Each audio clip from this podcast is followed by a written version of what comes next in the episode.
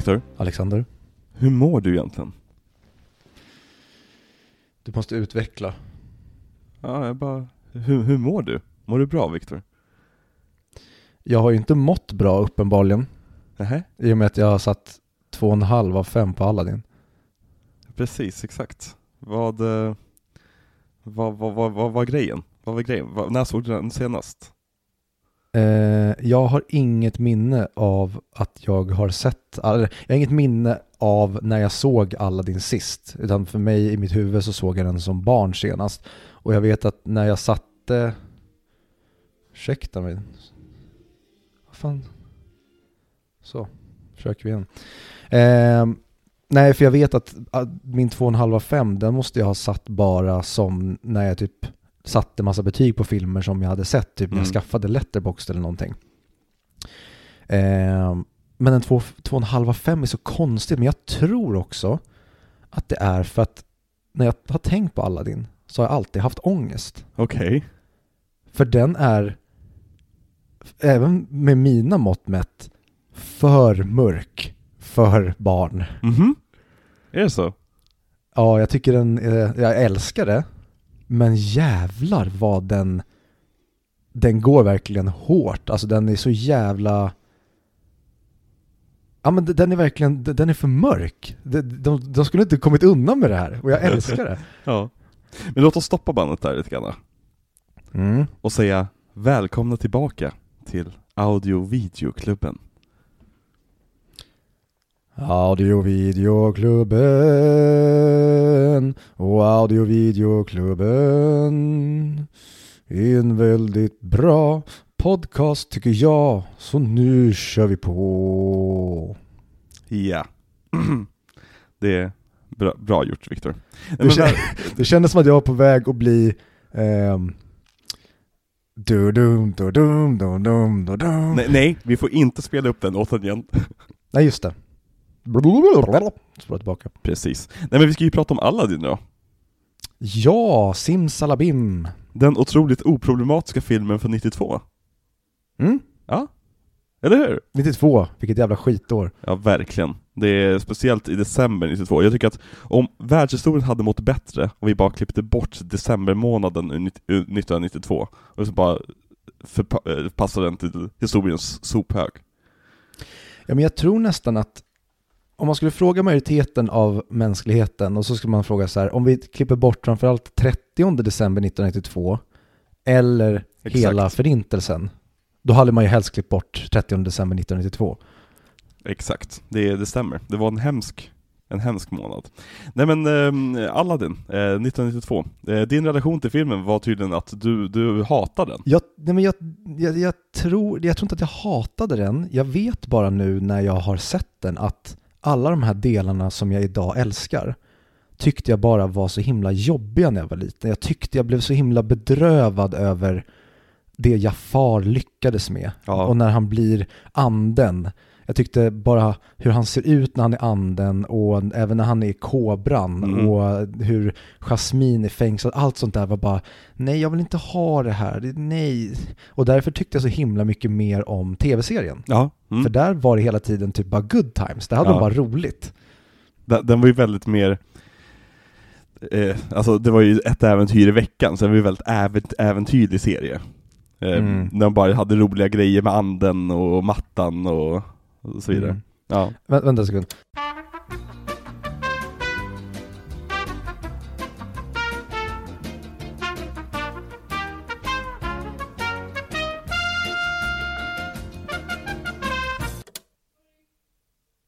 Tack. Mm. Förlåt. Becka kunde tyvärr inte vara med idag. Nej, men hon försökte påverka den här inspelningen genom att titta, hon kollar på Markoolio har ju fått nu en eh, ja, reality-serie som Jaha, alla ja. verkar få idag, där det handlar om han och hans mamma. Mhm. Jag såg nu några minuter, det verkade ju väldigt så här, men, oskyldigt, charmigt. Markoolio är ju supercharmig och hans finska mamma verkar vara en jättemysig karaktär. Mm. Men ehm, jag kan inte titta på sådana där realityprogram, även om jag skulle vilja så får jag typ ångest över att varför sitter jag och tittar på de här människorna? Jag bryr mig så otroligt lite om dem. Alltså de enda realityprogrammen jag kan ge mig på att kolla på, och det här har vi redan pratat om i podcasten, men det är ju så här datingprogram som är otroligt awkward och eh, stela och roliga. Det är underbart. Håller med. Ja, du, du har inte sett Flirty Dancing än va? Nej jag har inte det. Åh, Vad är- vad är fyran va? stark rekommendation till alla. Är det på fyran? Vad sa du? Ja, jag tror... Jo, det borde vara TV4. Så då är det Seymour va? Ja, precis. Ja, gud. Ja, sve- svenska streamingtjänsterna, de, de har ingen koll på alls. Nej. Vad som finns vad. Vad har du för streamingtjänster? Eh, jag har alla och ingen. Okej. Jag åker bara snålskjuts på andra på alla streamingkonton. Ja. Smart. Ja, men Ja. däremot så är jag Patreon till lite poddar. Ja. Det är Eh, typ det. Jag vet att du åker snålskjuts på mitt Disney Plus-konto Och lite HBO-konto. och mitt HBO-konto. Mm. Mitt Netflix har, d- där har de ett annat. Ja, där har jag min eh, mammas eh, fästmanskonto. Och så har du det här hemliga HBO-kontot som bara podcasters har. Ja, den åker jag däremot inte snålskjuts på någon annan än mig själv. Nej precis, du åker snålskjuts på filmskaparna. Jajamän. Jävla tjuv.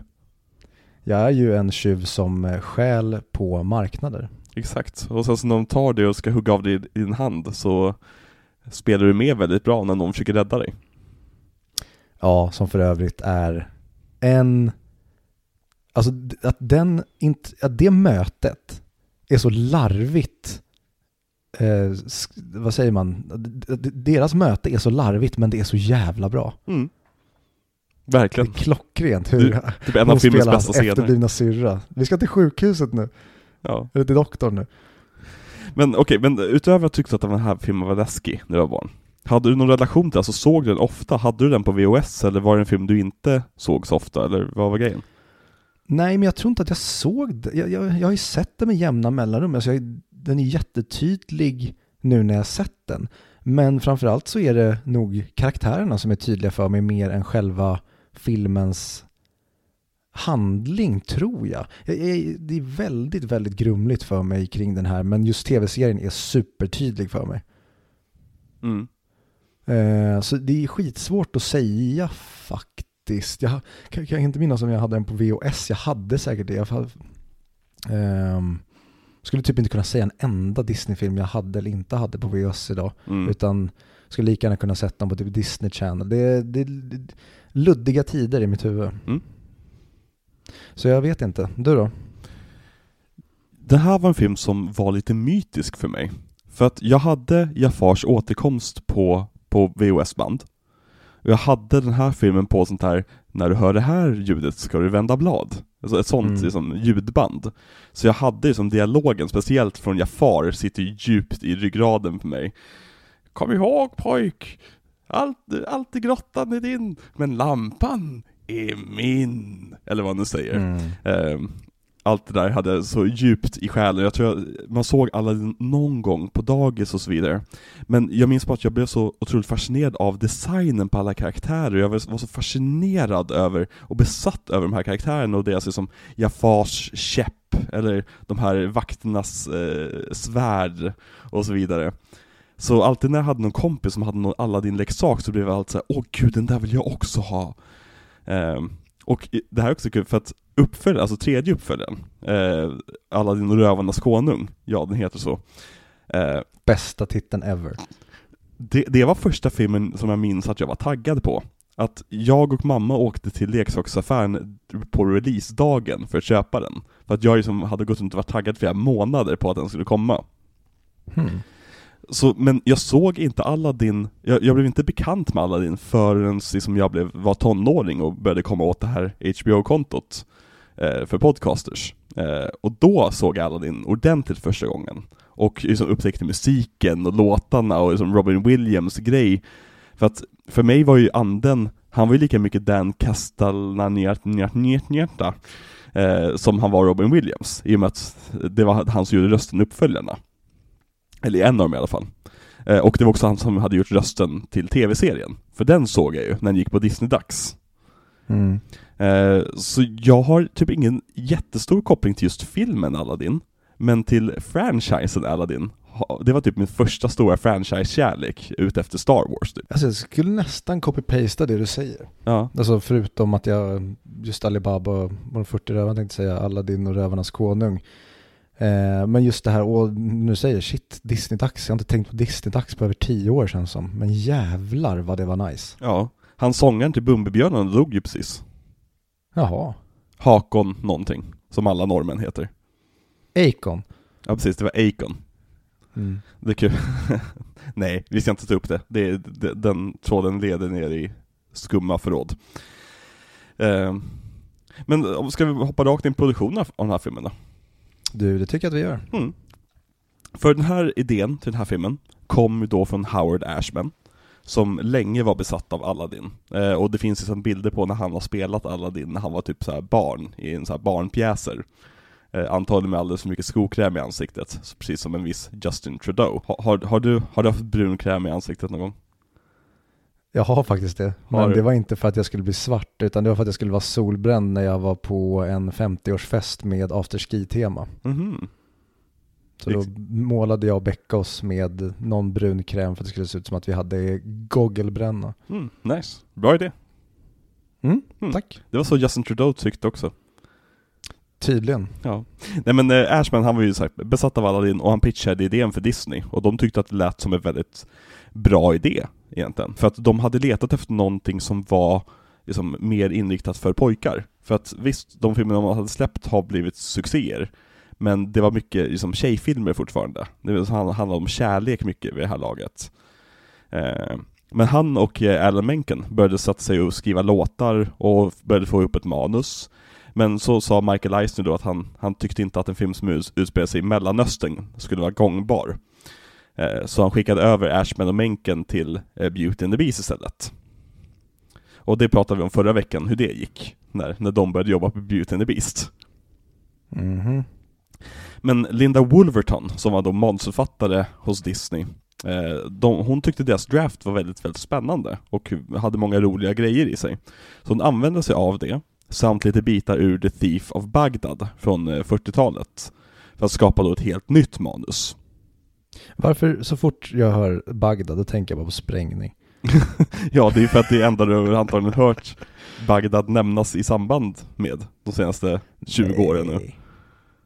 Det tror jag inte. Ja, för att eh, den här filmen skulle ju utspela sig i Bagdad från första början, men eh, som tur var så bestämde de sig för att ändra det till Agraba. Mm. Mm. Älskar Agraba som bara säger det. Ja, Agraba. Det, det, det är som Nebuchadnezzar. Ja, Det var ett, verkligen. ett roligt och lite smått avancerat ord som man lär, lärde sig tidigt. Mm. Men eh, Ron Clements och John Musker eh, togs in, och för de fick ju välja Aladdin utifrån tre m- möjliga projekt. De hade Aladdin, de hade Swan Lake, alltså eh, baserat på operan. Eller balletten är det väl, ja skitsamma. Eh, Mm. Och sen King of the Jungle, eller den som skulle bli Lion King. Men de tyckte att Aladdin lät mest intressant, och det förstår jag också på förhand. Ja, det, vid, vid det här eh, laget så var ju, vi kommer ju prata om det i Lejonkungen-avsnittet, men Lejonkungen var ju inte vad Lejonkungen blev. Så Nej. att jag förstår att man verkligen inte ville ha med den att göra i det som den faktiskt skulle vara från början. Exakt, exakt. Men så de valde Aladdin och eh, började jobba på det. Och Ashmans sista bidrag innan han dog av aids då, var att skriva låten Prince Ali till den här filmen. Så det var den sista låten som Ashman skrev. Helt okej. He- helt okej låt va? Eh, Ja. eh, lite såhär medelmåttlig 3-5-låt att avsluta sitt liv med, eller hur? Ja. Ja, Mm. ja exakt. Ja. Vi, vi kommer nog inte prata om det senare i avsnittet. Nej. Yes, och jag kommer inte alls gå in på den väldigt djupt i vad den som gör den så jättebra i mina små eh, companion pieces på Patreon som släpps. Så om ni vill höra mig prata och nörda ner mig lite grann om musik eh, i den här miniserien så finns det på vår Patreon. Mm. Mm. Ska vi passa på att tacka våra pattar direkt? Det kan vi passa på att göra. Vi brukar alltid ta det på slutet när folk redan har stängt av. Så eh, tacka på. Viktor, du får ta tackandet den här veckan. Okej, då ska jag försöka göra en Alex då. Och vi ska ju som vanligt tacka er, våra snygga, vackra, starka, väldigt duktiga på att rida på mattan, starka pattar. Ni har bra tandrader, ni har bra hårlinjer, ni kanske har bra hållning. Och vi är väldigt glada att ni stöttar den här podcasten på det sättet som ni stöttar den här podcasten genom att vara en av våra väldigt underbara pattar. Vi ska även tacka våra vanliga lyssnare, alltså klubbarna. Åh gud vad jag hatar det uttrycket. Nej, det gör jag inte. Jag älskar det för att det är, det är ni som är de som får det här att gå runt. Ni kanske inte har lika bra hållning, ni kanske inte har lika bra tandrad, ni kanske inte har lika bra hårlinje, men ni är jävligt bra på att klubba. Tack så mycket för att ni delar och sprider våra inlägg. God jul och gott nytt år. Amen. ja, det, det, jag vet inte om jag ska ta illa upp av det där, men äh, ja. det, det, det, tank, tanken var god. Tanken var god, men mättande. Eller nej, mm. jag säger slämmig men, men mättande. Det vet inte jag inte. Än. Det vet jag inte ens vad det inte är för något. Inte än, inte än. Inte än Viktor. Eh, nej men tack så jättemycket till alla våra patreons och vanliga lyssnare. Bra. Eh, jag, jag är tvungen att säga det också, annars får jag typ kramp i kroppen. Eh, vart var det någonstans? Vi pratade om eh, musiken, men vi skulle inte komma dit, utan vi pratade om produktionen och att Ashman eh, med mm. aids. Viktor, Viktor, lägg ner nu. Eh, nej men såhär, eh, eh, Ashmans sista bidrag till filmen var Prins Ali. Men Katzenberg, han mästerproducenten på Disney, han gillade inte Musker och Clements första utkast. Eh, så han gjorde precis som i Beauty and the Beast bara slängde manuset på sophögen och bad dem att skriva om det igen. Bland annat så hatade han karaktären Aladdins mamma och bad om att hon skulle skrivas bort ur filmen. Tack och lov för det. Vilket är en anledning till varför Kapitolium blev stormat den 6 januari. Men det kommer vi in på snart. Det vill jag höra om. Ja, det är, det, den här världen är konstigare än vad man kan tro. Uh, ja. Men eh, många av de här låtarna skrevs bort som Ashman hade skrivit till filmen. Han hade ju skrivit 14 låtar till filmen, men i slutändan var det bara typ tre av hans låtar som blev kvar i slutprodukten. Eh, och även så gjorde, eh, gjordes eh, Jasmine till en mycket större karaktär som också vågade säga emot kanske lite då och då, och inte bara var ett kuttersmycke. Eh, och Aladdin gjordes tuffare. Han var ju tänkt att vara lite mer av en Michael J Fox-karaktär, alltså lite så här osäker tonåring men lite, lite skinn på näsan. Men de bestämde sig för att istället eh, modellera honom på Tom Cruise, vilket jag tycker man ser så jäkla hårt. Ja, men jag tycker typ det är en, en hybrid mellan dem. Ja, ja men verkligen västen gör mycket. Ja. ja. Men vid det här laget var ju då Katzenberg nöjd, och han gav filmen grönt ljus, och projektet sjösattes. Och, eh, ja, det var det. Ja, det var det. Det är en av de sämsta filmerna som någonsin gjorts. Nej men Viktor, berätta för mig. Vad handlar den här filmen om? Oj, oj, oj, oj, oj.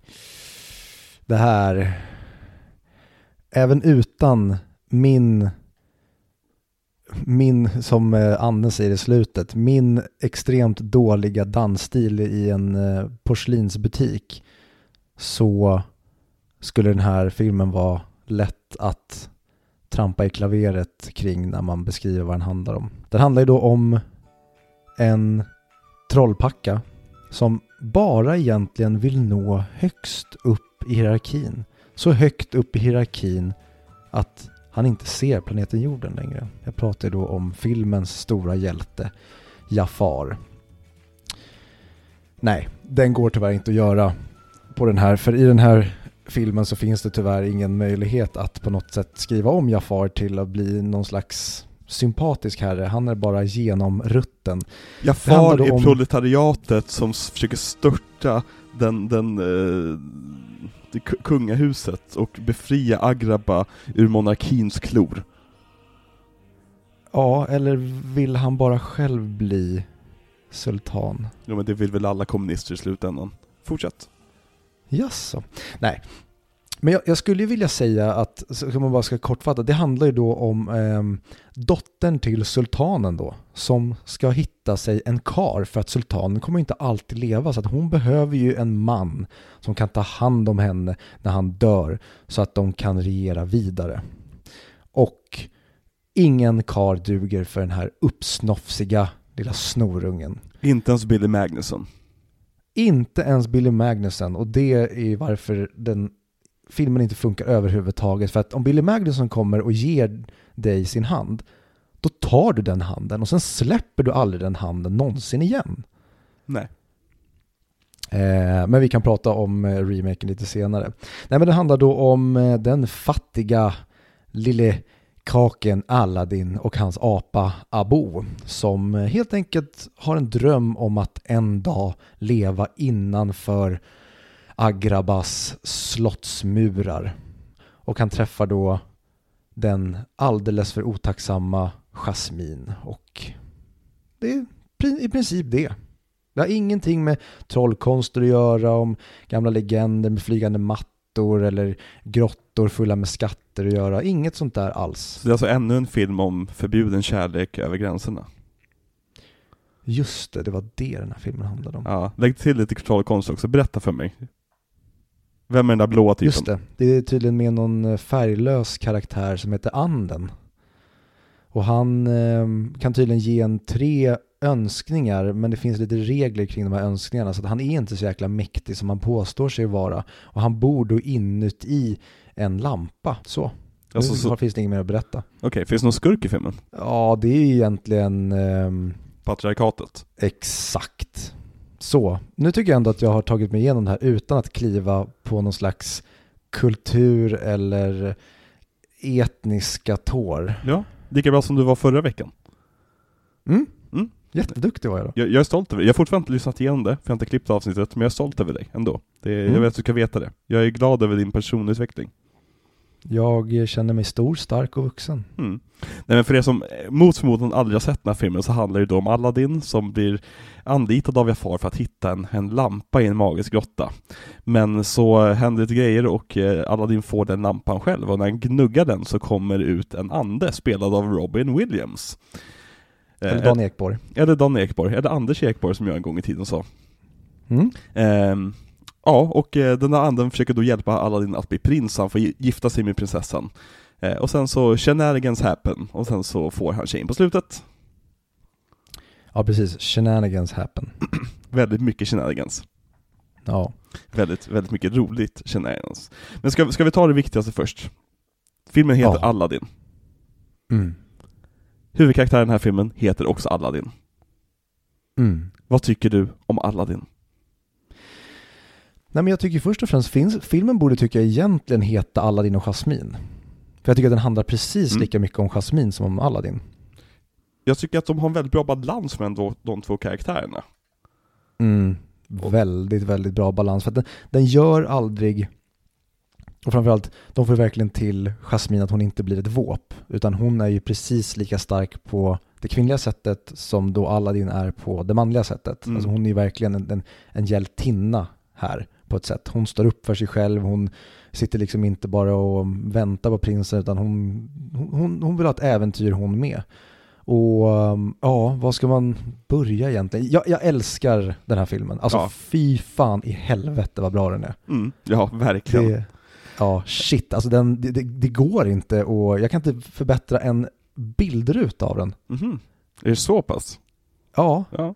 men med det sagt så det är klart att jag kommer kunna kommentera på saker, men mm.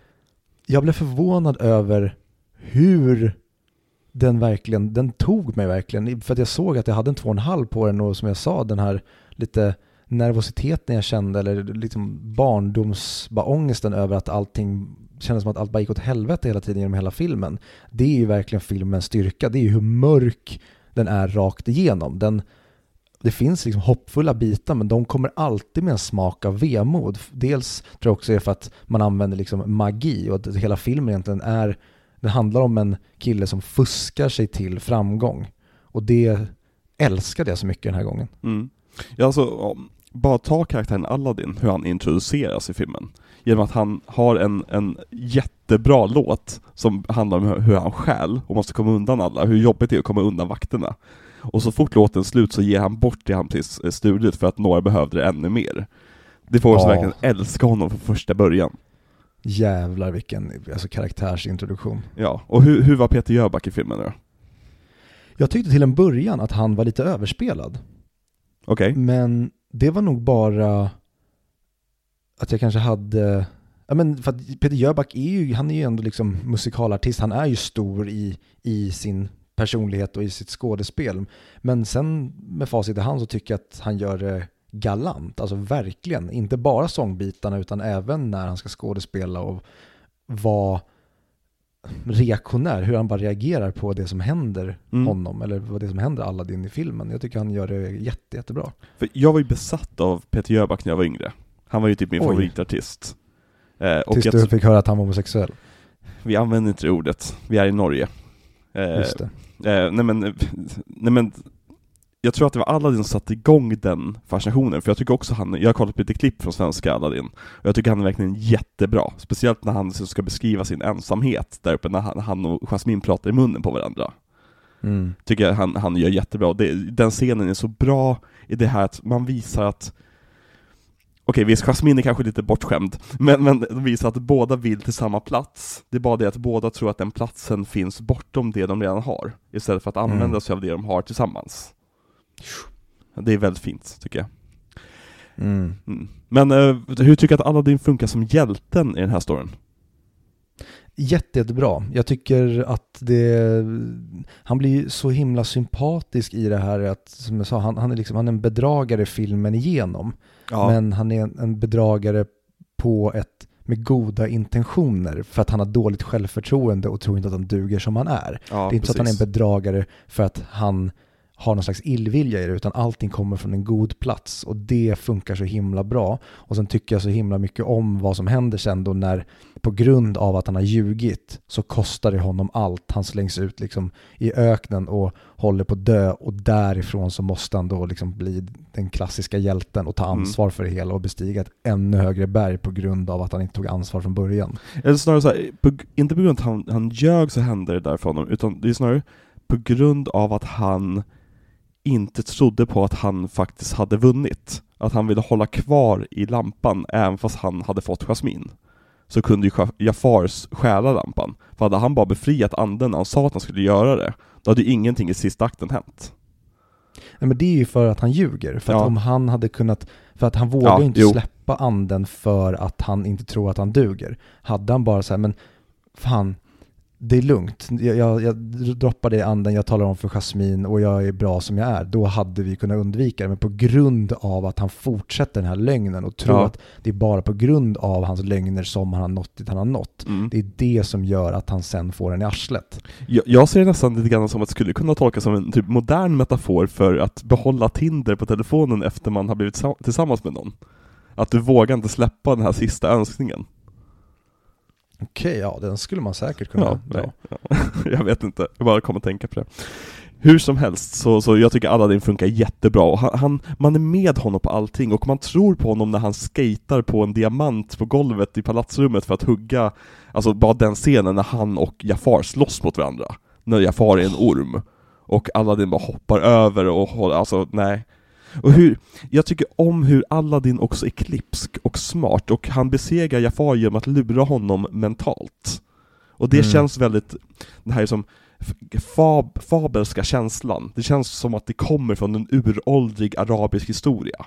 Det är som i den här kulturen som värderade liksom klipskhet och kunskap så jävla mycket. Mm, ja, men det är jättebra att det enda sättet att lura Jafar till slut är liksom att, att rulla snöbollen vidare. Han kan inte stoppa Jafar. Exakt. Jafar måste liksom igenom hela den här transformationen och förstöra sig själv högst upp på toppen. Ja. Anden då? Vad tycker du om anden i den här filmen? Oh my god. Jag är, jag är, jag är rädd för att säga det men... Eller nej, det, det är jag inte alls rädd för att säga.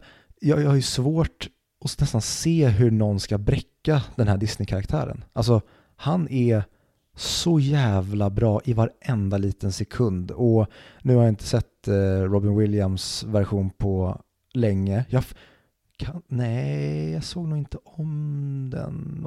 Jag såg klipp med Robin Williams tror jag inför eh, när live action-versionen skulle komma. Mm. Men för mig är ju anden Dan Ekborg. Mhm. Och så som an- Dan Ekborg levererar det här är helt jävla fantastiskt. Och sina takes han gör på alla de här, för att han har ett otroligt, eller översättarna har ett jättesvårt jobb att göra Mm. med alla de här referenserna och rimmen och Ja men för att, liksom catch-grejerna. ja men alltså, alltså Robin Williams improviserade ju det mesta.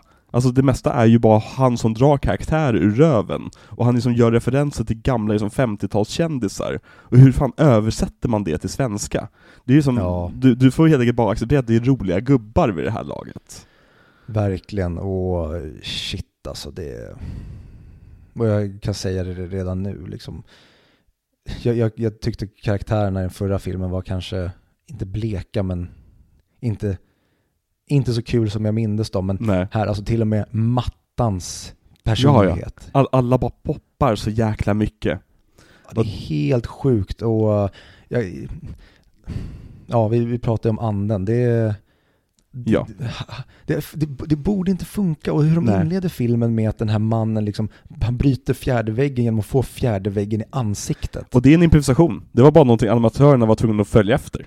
Vad han sa. Det är så jävla roligt att Ja. det funkar och därifrån att den är så himla blajig den här filmen men ändå funkar den på det här mörka superallvarliga planet precis lika bra som humorn. Humorn i den här filmen är det som Marvel-filmer vill vara. Ja, alltså verkligen. Ja, för det, det, humorn tar den inte ur filmen på något sätt. Humorn kommer från karaktärer som är humoristiska, och alla tycker att anden är rolig. Och det är där Mm. skillnaden ligger tror jag. Alltså, anden drar skämt i filmen. Han drar inte skim, för, skämt för publiken. Mm. Nej, verkligen. Eh, Ro- Robin Williams har ju en väldigt, väldigt komplicerad relation till den här filmen. Mhm. Minst sagt. Eh, för Robin Williams gick med på att göra rösten till den här filmen. Det här var ju som i, absolut som piken på hans karriär, när han höll på att bli som den största skådisen på- på planeten. Mm. Men han gick med att göra den här filmen eh, för 75 000 dollar, som var liksom lägsta priset för att han tyckte att det skulle vara en kul grej för barn. Men då fick Disney lova att han skulle inte användas i marknadsföringen, och han skulle inte liksom marknadsföras som typ en av de största karaktärerna, de fick inte släppa massa saker med hans, alltså med, med anden, och så vidare. För att Robin Williams hade två andra väldigt mycket så här, passion projects i pipeline som skulle komma runt hörnet. Och det var Fern Gully och Toys där han också gjorde röster. Och han ville att de skulle vara mer speciella för att det var projekt han verkligen, verkligen brydde sig om och var med och producerade. Mhm. Men Disney sket ju i allt vad den dealen hette och marknadsförde allting med den här filmen med, med The Genie. Liksom, om du kollar på posten så är det typ som att han ramar in hela filmen liksom. Och varenda trailer var ju fylld av Genie-grejer och liksom, ja, det var, de bröt mot varenda liten paragraf och Robin Williams, det var hans enda krav för att han skulle göra filmen billigt för Disney. Så att de skulle ha råd att anställa honom.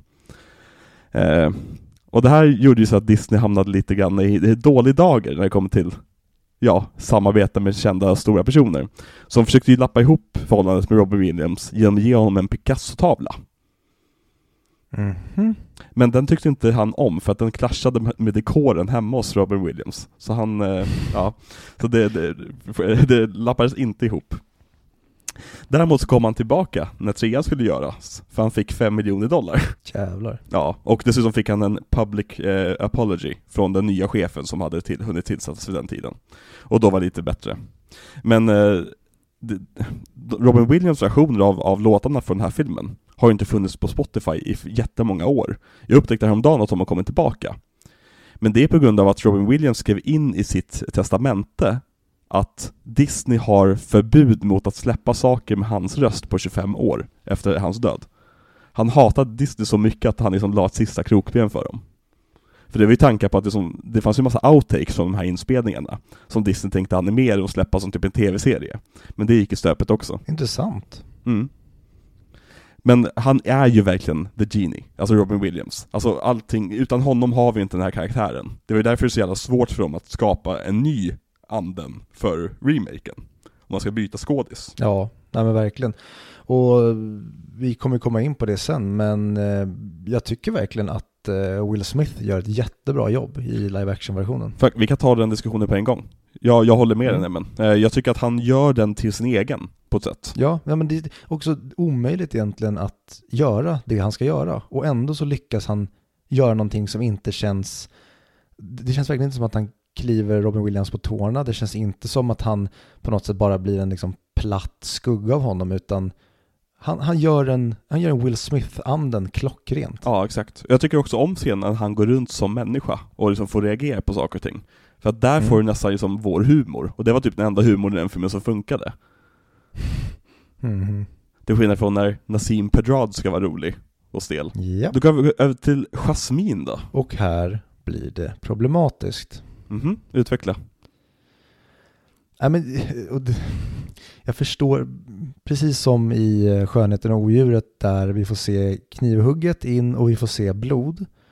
Så i den här filmen får vi se Aladdin bindas vid fotlederna och kastas i sjön. Alltså det är ett sånt brutalt sätt att döda en av våra karaktärer.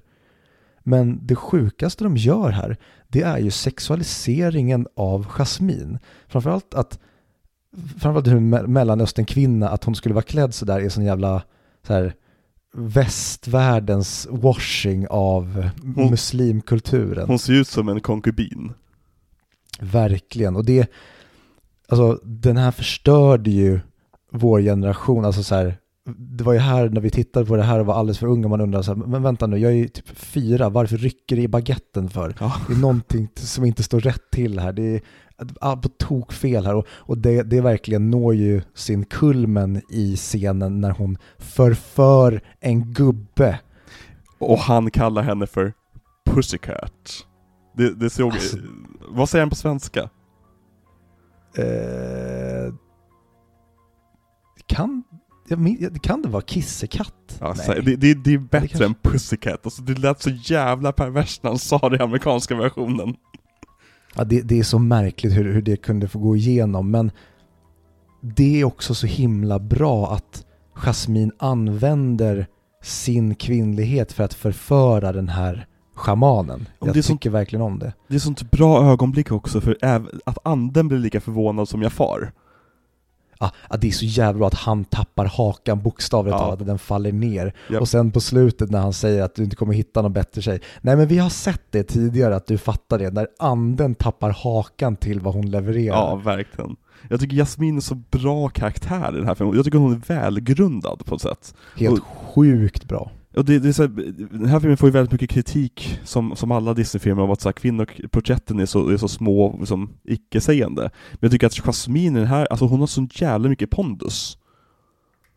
Ja, men jag, håller, jag håller inte med om det alls hittills. Jag tycker både, alltså alla tre, Ariel, eh, Jasmine och Belle, det är Ja, verkligen så här, men ni har ju fintat bort er i modern tid när ni ska göra starka kvinnor. Det är så här ni gör starka kvinnor. De är sig själva och de liksom går sin egen väg och gör det de tror på. ja. Sen kan man tycka att, alltså vill man tolka saker som i eh, Lilla Sjöjungfrun, vad, vad Ariel gör om man inte vill liksom, se vad, vad sagan säger, utan så här, men vad bokstavligt talat är det hon gör, ja men då kan du fultolka det och tycka att si eller så är problematiskt eller att Jasmine sexualiseras eller bla bla bla. Det, men det är inte det som de gör här. De ger ju dem faktiskt, liksom, de är ju starka, självständiga kvinnor på ett sätt som liksom, riktiga kvinnor är. Inte de här barnsliga, moderna versionerna där alla bara ska imitera män. Vad tycker du om Jasmines tiger, Raja? Älskar Raya. För att jag, jag minns att det var en väldigt stor del av vad man tänkte som med Aladdin, just för att Raja var med så mycket i tv-serien också. Men han är ju knappt Mm. med i filmen. Han är jättelite med i filmen, alltså verkligen. Men eh, fan vad han levererar. Det, han är en sån viktig komponent till, alltså som när Jasmine ska kliva över murarna. Han, Ja. är, ha- han är ju, ha- han är typ samma, eh, den rollen typ som Blunder har i Mm. Lilla Sjöjungfrun. Bara att här använder de den i precis rätt proportion och de fyller resten av grejerna med andra karaktärer istället för att ha med Raya igen. Ja men alltså, det är som att de har använt sig av Lilla Sjöjungfrun för att göra halva den här filmen, typ. Alltså Ja. Jasmins halva, så att säga. Ja. Eh, och det, det är genialiskt. Jag, ehm, jag tycker väldigt mycket om hur, alltså, alltså ta tempot i den här filmen. Det, det tar rätt lång tid innan Aladdin introduceras, men så fort Aladdin introduceras så bara springer vi igenom filmen. Mm, tempot är helt amazing. Mm. Något annat som är helt amazing, det är då hon som gör sångrösten till Jasmine på engelska, Lea Salonga, som är typ en av mina största musikalkärlekar. Det är även hon som sjunger Mulans låtar i Mulan-filmen. Eh, hon, hon är så här musikallegend som har, som har typ varit med i varenda musikal, men framförallt är hon känd som Eponine från Les Misérables. Och där verkligen, jag kan lyssna på henne i timmar. Det är, jag älskar hennes röst. All right. Ja, på svenska, jag tror att det är samma person som pratar Jasmine som även gör Meg i Hercules. Och det kommer vi också prata om relationen till Meg sen, men alltså den rösten var ju också så här, någon, en röst som jag var kär i som barn. För att hon kan få till både det här supervarma och kvinnliga, men hon kan även få till den här lömska liksom femme fatalen som Ja. blåser en och lurar en, förför en. Och sen har vi då Jafar. Vad tycker du om Jafar? Jag vet inte om, vem pratar honom på engelska? En snubbe som heter Jonathan Freeman. Som typ ba, Okej. nästan bara har gjort Jafar. Ja, för jag tyckte att han, och jag vet inte om det är för att typ Jafar ser ut att låta som Scar. Men då tycker jag att rösten blir lite tråkig när man, typ, när jag förväntar mig i mitt huvud att han ska låta mer, jag förväntar mig att han skulle ha mer karaktär. Men hur Jafar agerar och ser ut är ju jätte, jättebra skurket och jag älskar att han inte har, ja men kanske ett mer sympatiskt motiv utan han är Ja. bara, han är pretty much, han är ond bara. Han, han tar till alla medel för att egentligen bara, han ska vara högst upp på täppan och det, Mm. det, jag tycker väldigt mycket om det, hur lömsk han är filmen igenom och Ja. hur han, han, är så otroligt påhittig och rolig. Han är ju verkligen, ja men nästan som en counterpart till anden i hur Oh, han liksom får saker att hända. Mycket av Jafars uttryck och liksom hur han eh, använder sitt minspel är ju hämtat från eh, röstskådespelen, Jonathan Freeman, som gjorde de här röst, eh, ansiktena under inspelningen. Mhm. Eh, och jag tycker, alltså, Jafar kan vara den bästa Disney-skurken.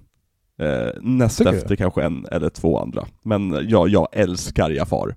Jafar är så jävla bra. Jag, jag tycker om hur, hur roligt han tycker om, eh, hur roligt han tycker att det var, att vara ond.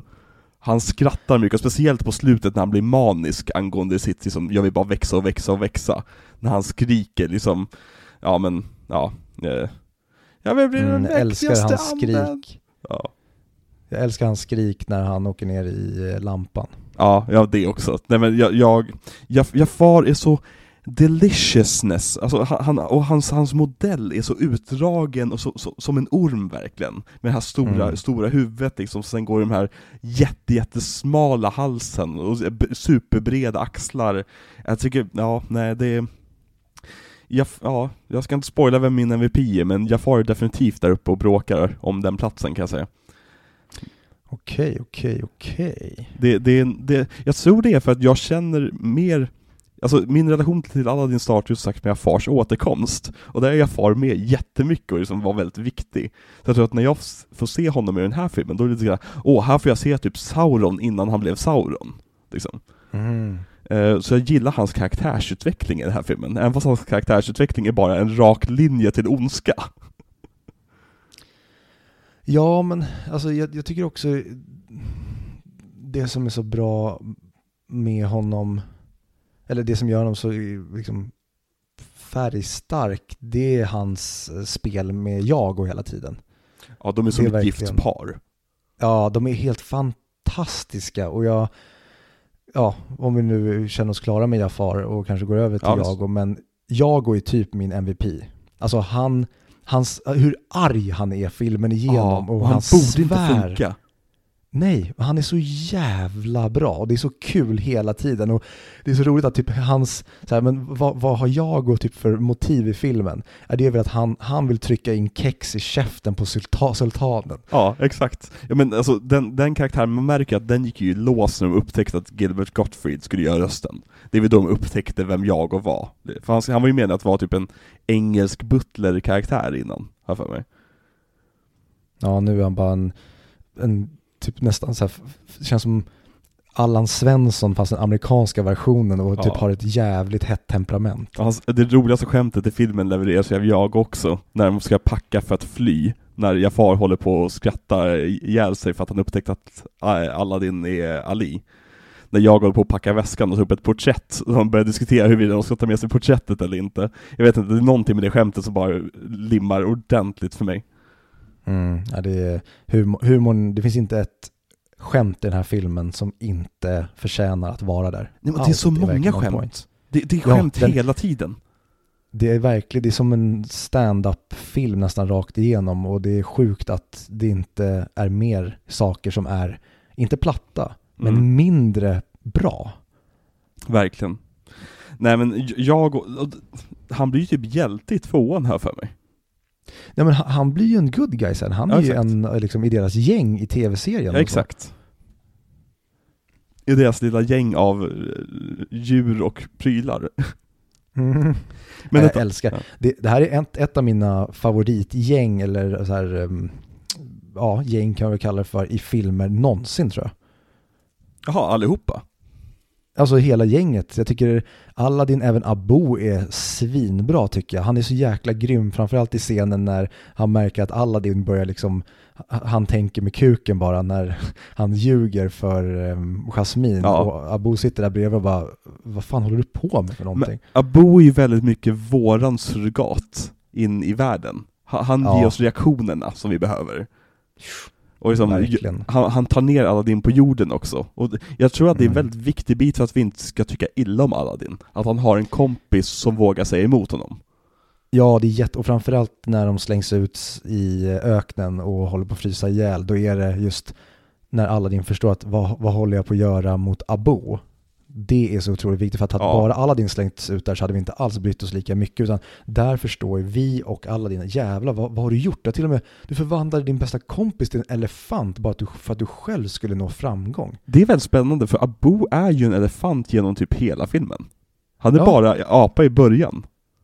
Det var konstigt, för det har jag aldrig tänkt. Jag tänkte att han är elefant i typ två scener. Ja.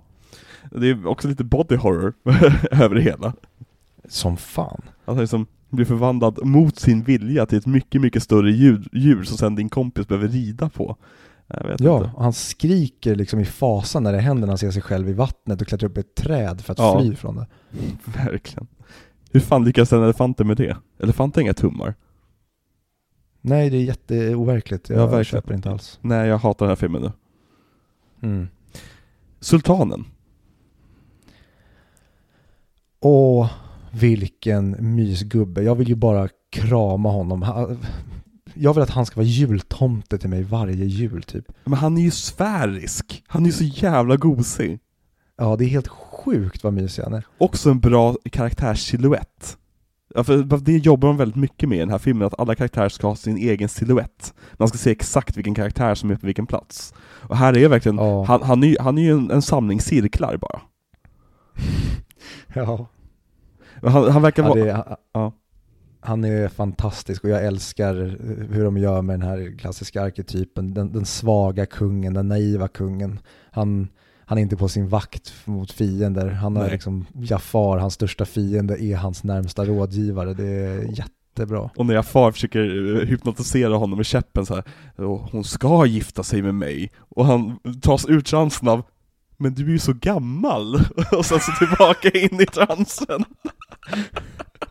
Åh, underbar scen. Ja, men jag tycker, Ja. Han känns så kärleksfull, de skulle så lätt kunnat gjort honom till en till Triton. Att han är mer Ja, hård och verkligen. arg mot henne. Men han, han verkar bara vara den snällaste gubben på planeten. Mm. Ja men precis som när du nämner Triton, det är jättebra för det är verkligen, Triton är för stark och för bra så att han blir fängslande på, liksom, det hade inte funkat här för det hade också blivit lite så här, och jag tror det är en liten grej de gör med att vi, vi rör oss i ändå liksom den arabiska världen och har den här heders liksom, relaterade pappan som ska låsa in sin dotter, det hade nog inte klingat så jäkla bra så då måste vi göra honom till tvärtom att så här, Ja, ut och spring och gör vad du vill, jag vill bara att du ska vara lycklig och det, det är problemet här innanför murarna. Ja precis. Eh, nej men så de hanterar det här skitbra men jävlar vad de, vad säger man, whitewashar, de verkligen försöker finmåla den här kulturen. Jag inser nu, har vi fått se en enda mamma i någon Disney-film hittills? Nej. Ariel har ingen mamma, Erik har ingen mamma, Bernhard och Bianca har ingen, ingen mamma. Jo! ehm, Eh, Codys mamma. Nej, Cody heter han inte, Ja. vad han? Lillungen. Ja, Cody. Cody. Nej, inte Cody, Ja. eh, han, eh, australiensaren. Nej, Jake hette han. Ja, Jake. Ja, Nej okej. men eh, den rä- räknas inte. Räknas inte? Jag tycker att du är tråkig mot Disney här.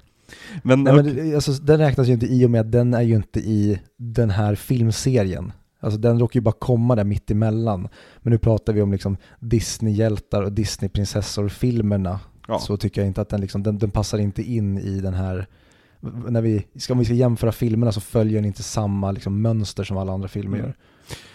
Det finns en till karaktär som jag vill prata om. Och det är Razul. Vakten. Han som jagar Aha. Aladdin. Jag tycker, alltså, det är också nog en eh, skada från tv-serien och uppföljarna. Men jag tycker om Ja. den karaktären så jäkla mycket. Det, Ja, han, han lever ju, det är just det, för att i den här filmen så är han ju inte en karaktär så, utan han är bara lite annorlunda designad mot de andra, han, har lite annan kroppsform än de Ja. andra vakterna egentligen, men precis det som de gör med honom sen i uppföljaren, det är det som gör att vi lär oss att tycka om honom så mycket. Ja, nej men, och de får också, vakterna överlag tycker jag är väldigt roliga. Hur, alltså just deras samspel med Aladdin i början och även under prins Ali när de eh, vill se aporna. Ja, nej, det, de är skitbra. Mm. Och det är ju Jim Cummings som gör rösten till Rasul, alltså Nalle Puhs röst Jaha, i den engelska. åh fan. Mm. Ja, och det var typ alla karaktärer förutom Gazim som är med i typ en scen. Och eh, även prins Ahmed. Ja, Musiken i den här filmen är uppdelad i två olika läger. Det finns de som äh, Ashman och Menken skrev, och så finns det de som Tim Rice och Menken skrev. Och Tim Rice, han är ju så här legendarisk textförfattare från just musikalscenen, har samarbetat mycket med eh, Elton John, eh, bland annat på Lejonkungen-soundtracket, men också med Andrew Lloyd Webber. Och jag tycker mig höra en stor skillnad i kvaliteten på låtarna som Ashman och Menken skrev, och de som Rice och Menken skrev. Men vi kan ju prata oss igenom eh, låtlistan, om du vill. let's go. För den här filmen inled, inleds med Arabian Nights, eller Arabiska natt. Och den här låten tycker jag är helt otrolig. Ja men den, den känns som att det här, är, det här har de tagit från någonting tidigare. Det här är typ ett klassiskt verk nästan. Det här är Ja. det, det, det, det är nästan som att det är Mellanösterns eh, nationalsång om de skulle ha en. Viktor? men, ja, nej men jag förstår. Nej, men alltså, den, alltså, den känns elementär. Alltså, jag vet inte om det är rätt ord, men alltså, den känns som att den är en naturkraft. Att den alltid har funnits där. Den här melodin Ja. liksom. Du, du, du, du, du, du, du, du, du, du, du, du. Alltså det, man har hört den i tu- tusentals andra filmer känns som. Ja, och den påminner lite om, eh, eller den tvärtom. You know my name har lite av den melodin i sig. Ja, lite grann. Det är de här orientaliska tonerna. Mm. Men eh, vad tycker du om låten överlag? Fantastisk, alltså jätte, jättebra. Ja, det är, och eh, det är inte Robin Williams som sjunger den på, på plattan här för mig, utan det är någon annan som sjunger den. Även fast han gör rösten till, till handlaren i början. Men det här är liksom, här hittar Disney och sätt det som såhär, jaha det är så här vi ska inleda alla våra filmer med ett stort jävla nummer som förklarar världen. Mm. Och det kommer vi få lite payoff på nästa vecka kan man ju lugnt säga. Kanske. Lite grann sådär. Och sen har vi låt nummer två, eh, One Jump Ahead. Vad heter den på svenska? Eh, jag måste kolla här. Ja, ett steg före. Ett steg före. Mm. Mm. Vad tycker du om den då? Jätte, jätte, alltså klockren. Den är så jäkla catchy. Ja, Så det är helt sjukt. och den introduceras också för Aladdin på sånt jävla bra sätt som sagt. I och med Ja, att han blir jagad. Han, han får förklara, det är typ Aladdins försvarstal på ett sätt. Mm. Han måste förklara varför han är en moralisk person även fast han stjäl från folk. Mm. Ehm, och vi får springa runt i Agraba och lära känna Agraba utan att vi sjunger om Agraba. Liksom, jag tycker, jag tycker den, den är fyndigt och bra skriven. Däremot tycker jag att melodiöst, alltså melodierna som, i själva låten, går ju ingenting upp mot de som, som kommer om en stund. Men eh, det här, det här är nog min favorit av de nyskrivna låtarna, om, om man säger så. Ja men den, den satsar ju inte på att vara det här musikaliskt storslagna utan det är nästan som en rap. Och det Ja. gör den verkligen i perfektion tycker jag. Jag tycker även, även den, bara starten på den, liksom One jump, ahead of the- alltså det gör som man hamnar i ett mode på en gång så fort man börjar sjunga det. Man kan se sig själv Ja. stå på scen, liksom, och springa runt Ja, men- där liksom. Verkligen. Jag vill, när jag hör den vill jag verkligen se den på scen. Ja. Ehm, och sen har vi då Friend Like Me. skriven av Ashman och Menken. Det, det är tråkigt att säga det, men vad är det alltså, vad är det för låtar? De är Ja. helt otroliga. För att det, det är få låtar från animerade filmer som får en att känna att artisten har hoppat runt och sprungit över scenen och är andfådd när de är färdiga. Du vet när man har varit på föreställning och artisten står i slutet liksom Men den här låten får en att känna att anden sprang precis runt på scenen. Anden sprang precis runt och visade oss den mest fantastiska, liksom, nästan psykedeliska föreställningen vi någonsin sett. Och jag tycker Mm. bara låten det här att använda sig av typ storbandsjazz för att få en, en unik känsla i som vad är andens stil. Det, det är Ja. genialiskt.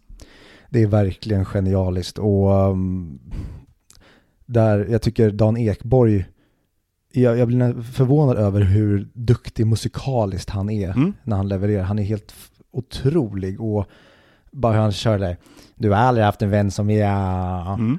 Precis, men att han leker olika, alltså den här låten, som, som sångare kan jag säga, den är väldigt svår att sjunga, i och med att du, du har så mycket du vill göra när du sjunger den här, att du får slut på luft liksom. Mm. Eh, och ja, nej. Bara det visuella som läggs på allt det här. Alltså animatörerna måste ha haft så jävla roligt med att bara följa efter vad Robin Williams byter för röster hela tiden. Ja, alltså här- måste du vara ett stadie av din animationskarriär där du är ung och hungrig. Du kan inte vara trött gammal gubbe som bara så här, vi, vi, vi håller det enkelt. Utan här är så här, man ska älska det jobbiga och det svåra för det Ja. är vad hela den här jävla filmen är. Allt är bara så här, men måste han vara ett bi? Så här, ja, för Ja. det är skitroligt. Så här, ja, men, Men, det är jobbigt att animera, utan tvärtom. Och för fan vad kul att jag ska få animera anden som ett bi. ja, och då- det går liksom inte att, att göra det i live action, eller ens i anim, alltså CG-animerade filmer. För att, Nej. ba- ba- bara ta det här med att anden, jag tror han typ rullar ut Aladdin från ett perga, pergament han han har dem fast i. Aladdin faller neråt, men helt plötsligt märker vi att det som är neråt bara var en vattenpöl av färg. Som Mm. är som, han, han ramlar liksom in i, i bilden på något sätt. Och bara sådana, alltså jag tycker den sekvensen är verkligen filmens tour de force. Mm. Så ja. Eh, och så har vi Prins Ali då. Den sista låten Åh. som Ashman skrev. Den, ehm, alltså, Copy-paste på det vi precis sa typ. ja men typ, och mer liksom åt ehm, One Jump Ahead, att här gör du, alltså vad fan ska man säga, det, det är som att alla de här låtarna är nästan som att de bränner sig in i ditt huvud, att det bara blir liksom Men det här är ju en melodi ni har stulit från någonting typ. Det, är inte, det här är inte skrivet till den här. Nej. Jag, jag kommer hålla lite grann på mina åsikter om den här låten, men jag, jag älskar den. Jag tycker den är 5 av 5. Men eh, jag ska gå djupare in på, på mina, mina companion pieces till den här. För det här är en, Mm. en låt som är jättekul att analysera typ sekund till sekund, så det tänkte jag göra där. Men eh, ja, jag älskar den här låten. Det är, alltså, varje gång jag ser den här filmen och Friend Like Me och Prince Ali-sekvenserna kommer, så vill jag bara spola tillbaka och se dem om och om igen. Mm. Och liksom, det, jag vill inte sluta kolla på dem, jag vill inte, om jag, de gångerna de finns på Spotify, och man kan lyssna på dem, så går de på repeat i mina spellistor. För att de är så jävla bra. De har ett tempo Helt- som gör så att man inte vill släppa dem. Ja, nej det... Och det blev jag också förvånad. Jag tänkte att när jag liksom såg filmen att ja, men jag älskar ju filmen i sig. Sen lägger vi på de här låtarna som gör att det blir någon crème de la crème på Jacques Deluxe McFlurry. Crème de la crème, Chuck Deluxe McFlurry. Mm, har du inte smakat den på McDonalds? Nej, jag tar den med kokain istället. Ja, mycket, mycket mer klassiskt val. Ja, kokain, kokain. Ehm, ja, och sen så har vi A Whole New, new World, eh, skriven av Rice och Menken. Aldrig hört. Aldrig hört, nej precis, du har aldrig varit på en skolföreställning. Nej. Alltså gud, den här låten är ju förstörd. Alltså det är en jättefin ballad, men jag kan inte ta den seriöst längre. Ja, äh, äh, jag eh, har inte hört den så pass mycket, men det, det, det är ju en, en, en klyscha. Den har blivit en klyscha, men nu när jag såg den i bara i filmen som helhet så copy-paste blev jag sagt innan. Det här är ett av liksom de stora filmsångsmästerverken ever. Jag gick ju i musikklass. och sen gick estetisk linje på gymnasiet. Jag tror jag har hört den här en gång i veckan under hela min uppväxt. Stackarn. Ja, den, den är verkligen förstörd. Alltså, även ek- sekvensen när de flyger runt har jag sett parodi på så många gånger att jag förväntade mig att någonting skulle hända i scenen, och så började jag att just det, jag sitter och kollar på originalet nu ja. Eh, Mm. Jag vill att Ryan George ska säga 'Don't you dare close your eyes' och sen så ha en lång konversation om hur creepy den linen var. Har du sett den videon? Nej. Du vet han som gör pitch meetings grejerna. Han har ju andra sketcher Mhm. också. Och det finns en när han är Aladdin. Och just 'Don't you dare close your eyes' så reagerar Jasmine på att det är en jättecreepy line att säga. Eh, Jag kan rekommendera alla att, att söka upp Ryan George på eh, Youtube. Han är ett geni. Ja, det är han verkligen. Eh, nej men så, jag, jag tycker inte jättemycket om den här låten, jag tycker den är väldigt standard Jag tycker att andra Disney-låtar gör det, det den här låten gör, fast bä- bättre Men det kan också bara vara att jag är så jävla trött på den den här låten är som Smoke on the Water för mig Ja, men det är lite det liksom vad den är. Den, är, den, är, den, har liksom, den blev ett monster och typ förstörde sig själv, men det är också bara ett bevis på hur ikonisk den är. Den, alltså det här är nästan som ehm, Sankta Lucia är ett dåligt exempel, men den, Ja. den, är liksom, den, är, den är en del av kulturen. Den, Ja. Alla vet vad det är för låt, den liksom tas upp om man ska sjunga någonting, då är den här ofta med som en bubblare. Den, den, den är helt fantastisk, men nästan så fantastisk att den är så jävla tråkig. mm, mm. Och sen har vi min typ favorit, eller det som gjorde så att jag bör- började hata Guy Ritchies version Och det är ju Prince Ali-reprisen, som Jafar får sjunga Som inte är Mm. med i, eh, i remaken Är det inte? Jag tycker det behövs verkligen lite, lite musik vid den delen av filmen, för att precis som alla andra Disney-filmer, så de ger ju upp musikalgrejen typ halvvägs in i filmen. Och fokuserar bara på liksom det viktiga. Och det är så skönt att få att Jafar får vara lite lekfull och sjunga lite grann Mm. också. Och sen tycker jag väldigt mycket om repriser i musikaler, när man typ använder samma melodi och tematik fast har skrivit om texten lite grann, så att den liksom vänds på sin spets. Det är, ja, det är nice. Vad tycker du om reprisen?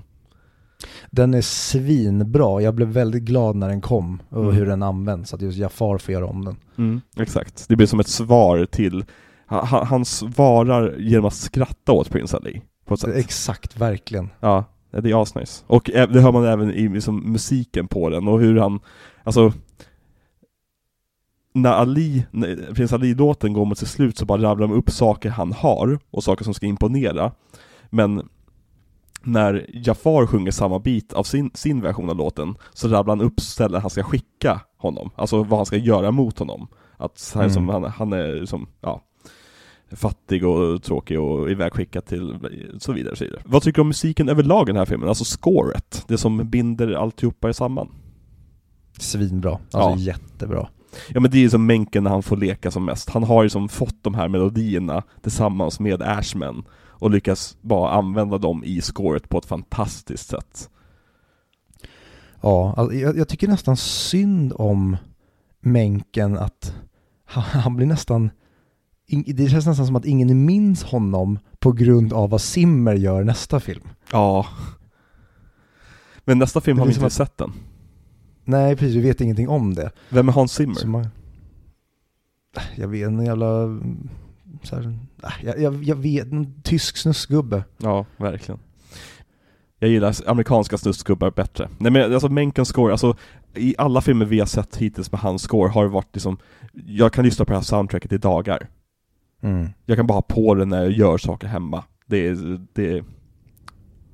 Han är väldigt bra på det här med melodier, när Alan Menken. Du, det är helt sjukt och det tycker jag att det yttersta beviset på det, man kan säga så här, ja, men vi, vi, vi är perfekta, vi kom, vi kom när de här filmerna kom, så att vi verkligen är molded i de här låtarna. Mm. Men beviset på att det inte bara är på grund av att vi växte upp med låtarna, det är ju att de funkar precis lika bra på barn idag. Ja, verkligen. Jag, vad, vad tror du är den ultimata åldern för att se den här filmen? I och med att du säger att den är rätt läskig. 30.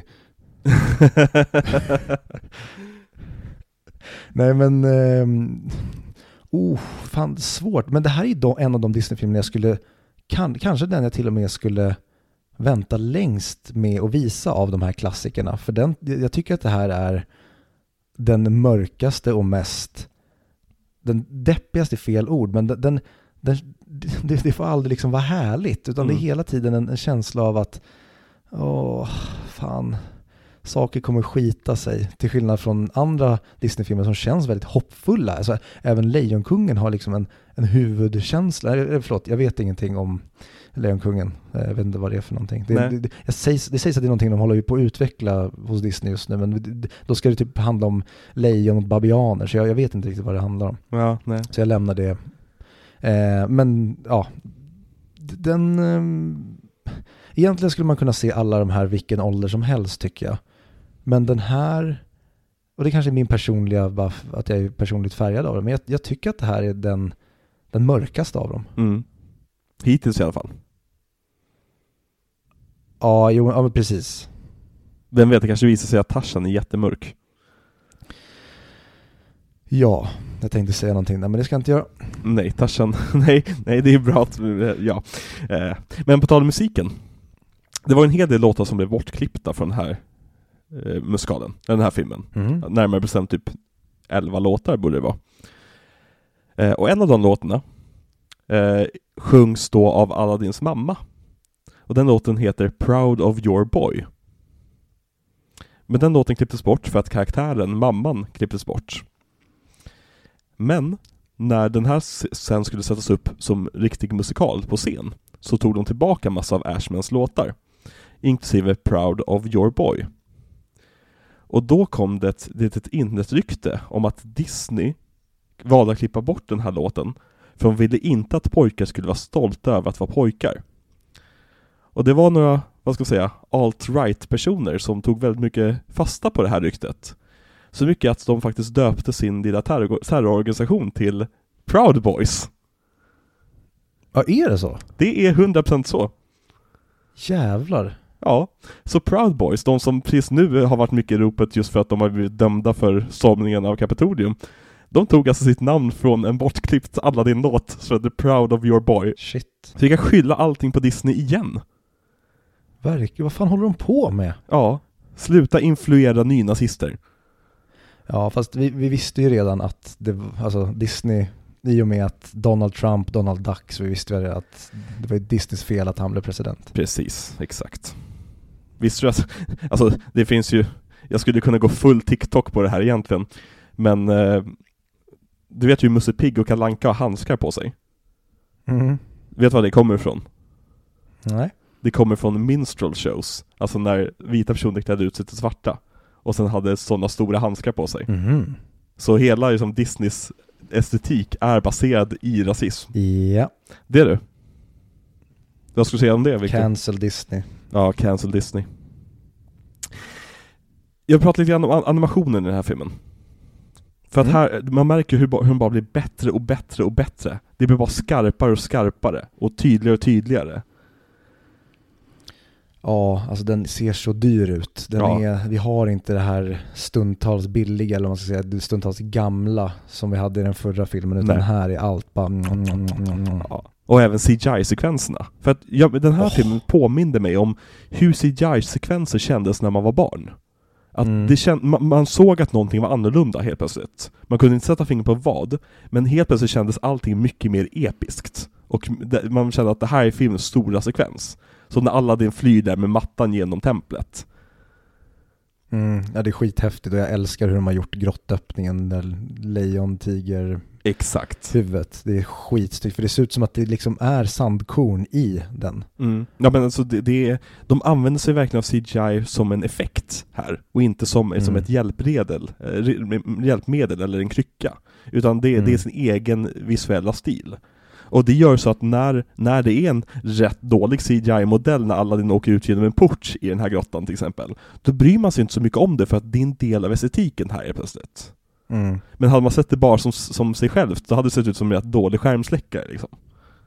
Som fan. Mm. Men här bara funkar det så jäkla bra, och det är också mer användande av, användande av CAP-systemet som är utvecklat såklart. Så nu, så, Mm. så från och med nu fram till typ Tarzan så ser ju filmen där liksom kristallklara ut, praktiskt taget. Och det älskar jag. Men en sak Mm. som jag tänkte på när jag kollade igen med så här lite gamla Disney-filmer, kollade på gamla klipp. Har du sett Törnrosa på sistone? Nej. För den ser ju fantastisk ut. Ja, men det, det tycker jag egentligen att allt från den tiden gör. Mm. Men det är på ett helt annat sätt än det här. Det är liksom, det, det, det, vi, vi ser att det är Disney båda, men det är två olika nästan, som man säger, de, de är egentligen inte jämförbara, men de är jättejämförbara. De ser så Mm. olika ut, men ändå så lika ut. Mm. Ja, alltså jag skulle säga att Törnrosa sticker ut där för att den har en otroligt unik, distinkt stil med just färgerna den har. Alltså, ta bara någon random screenshot på när prinsen slåss mot draken på slutet. Alltså det ser ut som, som nästan så här expressionistiska liksom, målningar. Jag, jag, Mm. jag önskar att de skulle kunna göra en film i det stuket en gång till, som är modern teknik, bara se vad de skulle kunna göra. Mm, nej, jag, jag håller med. Jo, jag såg just den sekvensen med eh, draken, såg jag nyligen med den här ljusgröna elden. Ja, det, är- det är så fantasifullt på ett sätt. Mm. Mm. Har du någonting mer av filmen som du vill prata om? Har du någon kritik mot den här filmen? Eller vad, vad är dina favoritscener i filmen? Jag gillar väldigt, alltså hela egentligen slutfighten och allting och hur lekfullt det blir där när det blir så himla mörkt. Jag tycker väldigt, väldigt mycket om när anden blir stor och blir liksom onda anden. Det är skithäftigt tycker jag för då, Det är läskigt det- också. ja det är jätteläskigt. Det känns som i Rex och hans vänner när de blir de onda versionerna av dinosaurierna. Vänta, vänta. Det- Rex och hans vänner. Vet du inte vilken det är? Jag måste googla. Rex och hans vänner. Jaha, ja, ja, dinosaurier kommer till stan eller vad den hette. På engelska. Ja, den heter ju inte hans vänner på engelska. Den heter ju typ A Bla Bla In Time eller något sånt Ja, där. men precis, exakt. Gud, den här har jag inte, har jag inte jag tänkt på på flera år. Men okej, okej, när de blir typ onda versioner av sig själva. Ja. Ja, och också, där snackar vi eh, svinmörk barnfilm. Eh, och på tal om svinmörka barnfilmer, kommer du ihåg Pagemaster? Pagemaster, nej. Med Macaulay Culkin när han gömmer sig i ett bibliotek och hamnar in i böckernas värld och blir tecknad. Den har inte jag sett. Oh, jag är rädd för att se om den. Den såg jag skitmycket som barn. Den Ja. är jätteläskig och väldigt ångestfylld. Är Men det den- lite rip-off av Oändliga historien kanske? Ja, den rör sig i liksom liknande, mm, den, ja, ish. Ja. Jag skulle inte säga att det är en rip-off, men det finns absolut likheter. Men den är så jäkla charmig. Den känns för mig i mitt huvud, nu har jag inte sett den sedan jag var liten, men när jag var liten såg jag hur mycket som helst. Det känns som en Disney-film för mig, men en dark Disney-film. Lite som eh, Landet för länge sedan, Rex och hans vänner. De, de Ja. går lite för mörkt för vad barn egentligen borde hantera, men det tycker jag är det som är så himla bra med dem, det är att barn Ja. kan ju hantera mycket, mycket mer mörker än vad vi ger dem cred för idag. Ja, nej men ta bara som American Tale som vi pratade om lite grann förra veckan. Eller var, den- eller var det förra, förra? Eh, Jag tror det var förra. ja. Den är också jättemörk. Alltså den handlar ju om hur det var att vara emigrant och komma till, till USA liksom. Eh, Mm. Men jag tror att barn behöver få det här mörkret. Eh, och inte bara positiva och glada stories. Ja, och det kan vi, eller vi kommer prata om det mer Och det har vi pratat vecka. om. Men vad, vad, vad är din minsta favoritscen om man säger så? Vad, vad, I hatscen tror jag inte att du har något, men är det någonting du inte tycker om i den här filmen? Skulle, är det någonting du skulle klippt bort i den här filmen? Nej, alltså jag har verkligen, och det är det, den är inte lång heller, så att det, det, det, det nej, jag skulle inte korta på någonting. För Mm. övrigt en grej som är så jävla nice, och det visar sig, och vilken hero Aladdin är, det är Mm. när tornet som han har slängts ut med i snön, när Ah. det rullar, och han gömmer sig i fönstret. Det är så Ja. jävla snyggt. Gömmer sig. Jättebra Han- planerat. placerar sig i fönstret. Exakt. Ja, och håller Abu också. Och det är liksom ja. så här, ja, det, nu får det bära eller brista. Liksom, ja. Riktigt bra. Ja, he, hela, hela sista 20 minuterna är bara så en jävla bra actionfilm. Ja, jätte. Och det är det som är så synd att, va, okej, varför kunde ni inte göra en typ, alltså verkligen frame to frame remake? För att då har ni ju en superfet actionrulle. Mm. Jag minns ingenting om actionen i slutet på Guy Ritchie-versionen. Inte jag heller, jag satt och funderade på, det var samma sak med Skönheten och odjuret, jag minns typ inte hur odjuret ser ut i den, och jag minns typ inte hur något av det här i slutfighten ser ut. Ja, Jag men för mig bara så här, men det, det var väl ett enormt jävla CGI-bonanza, men jag minns inte hur något av CGI-bonanzat ser ut. Ja men Jafar blir inte ens ande på det sättet, alltså röd och stor. Utan han blir bara stor här för mig. Gud, jag måste se om Ja. den. Vi måste, vi måste verkligen göra en Guy Ritchie miniserie så att vi måste se om den. För att man glömmer väldigt lätt att det är Guy Ritchie som gjorde Aladdin-remaken. Ja, det är konstigt. Ja, däremot alltså så här, jag har väldigt goda minnen från den filmtittningen. Vill jag minnas. Alltså jag minns att jag blev rätt charmad av filmen ändå, även fast den var rätt dålig. Men just på grund av att hur mycket Will Smith bara bar upp den filmen och bara släpade den i ansiktet. Mm. Ja.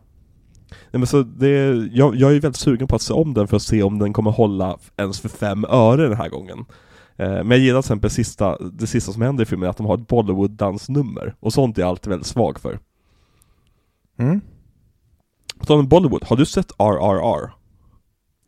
Nej, men jävlar vad det snackas om den. Ja, det snackas ju väldigt mycket om den. Den har ju fått lite Oscarsbass nu till och med. Mm. Så det kanske man någonting man borde se inför Oscarsgalan. Eh, men har du några tankar om remaken? Alltså egentligen inte, som jag sa, det är, eller som du också sa, anden är den stora behållningen där Will Smith gör ett superjobb. Och eh, Will Smith är ju bra så länge man inte pratar om hans fru, så att det, Exakt. det är kul. Håll hans frus namn utanför din jävla mun. Mm. Det är så det går om man pratar om folks fruar. Nu har jag Mm. klippt bort hela storyn som Viktor berättade här för oss, men det var en väldigt, väldigt grov historia. Den var nattsvart. Den var nattsvart. Åh gud, det ordet har vi använt alldeles för lite i den här podcasten tycker jag. Vi måste prata om nattsvarta saker. Ja, vi kanske kommer att prata om nattsvarta saker Kanske. framöver. Vad tycker du om postern till den här filmen? Skitsnygg. alltså återigen, bara så här ikonisk poster. Bara Ja. Aladdins händer, på lampan, blå bakgrund, guld kommer ur lampan. Mm. Man behöver inte mer än så. Du får en att bli intresserad. Alltså, vi har verkligen tappat det här med att ge oss en teaser av saker och ting. Mm. Ja, idag, vi, alla, du måste verkligen få hela paketet innan du har sett paketet för att annars kanske inte du går och ser paketet. Ja, nej men det, det är... Ja, jag blir så trött ibland på saker och ting. På vår samtid. Man blir ju det. Ja, nej men det... Idag hade den varit full av ansikten, den här posten. Som svävar, svävar i luften. Jag tycker verk- verkligen inte om de här ansiktssvävar-postersen som finns nu för tiden. Nej, det känns som att det, det räckte med liksom Star Wars och sen dess har det bara varit typ jobbigt. Ja men det är väl det, och, all, alla försöker väl återskapa Star Wars? Det är väl just det? jag, jag vet inte, det känns nästan som att folk tror att det är standarden för hur filmposter ska se ut och därför gör man det. Mm. Nej men ta, ta bara, vi pratar om det här när vi pratar om våra filmposters, våra favoriter. Ta bara Batman-postern från 89. Det är så Mm. många gånger bättre än typ Dark Knight-postern där han står framför den brinnande byggnaden. Mm. Inte för att det inte är en snygg poster, men Batman-postern är ikonisk liksom. Ja. Mottagandet av den här filmen då? Hur var det Viktor? Som vanligt. Ingen såg den, ingen gav den priser och den var snabbt bortglömd. Ja, precis. Det här är en film som vi har grävt fram ur arkivet så att säga. Mm. Nej. Det, det är överväldigande positivt. Framförallt eh, Williams och Ashmans musik också. Är, eh, men även som hela soundtracket och teckningsstilen och CGI-effekterna och liksom, som, som jag var inne på förra avsnittet, det här var ju den första Disney-filmen som faktiskt gick plus på sina biopengar. För det är väldigt dyrt att göra animerad film.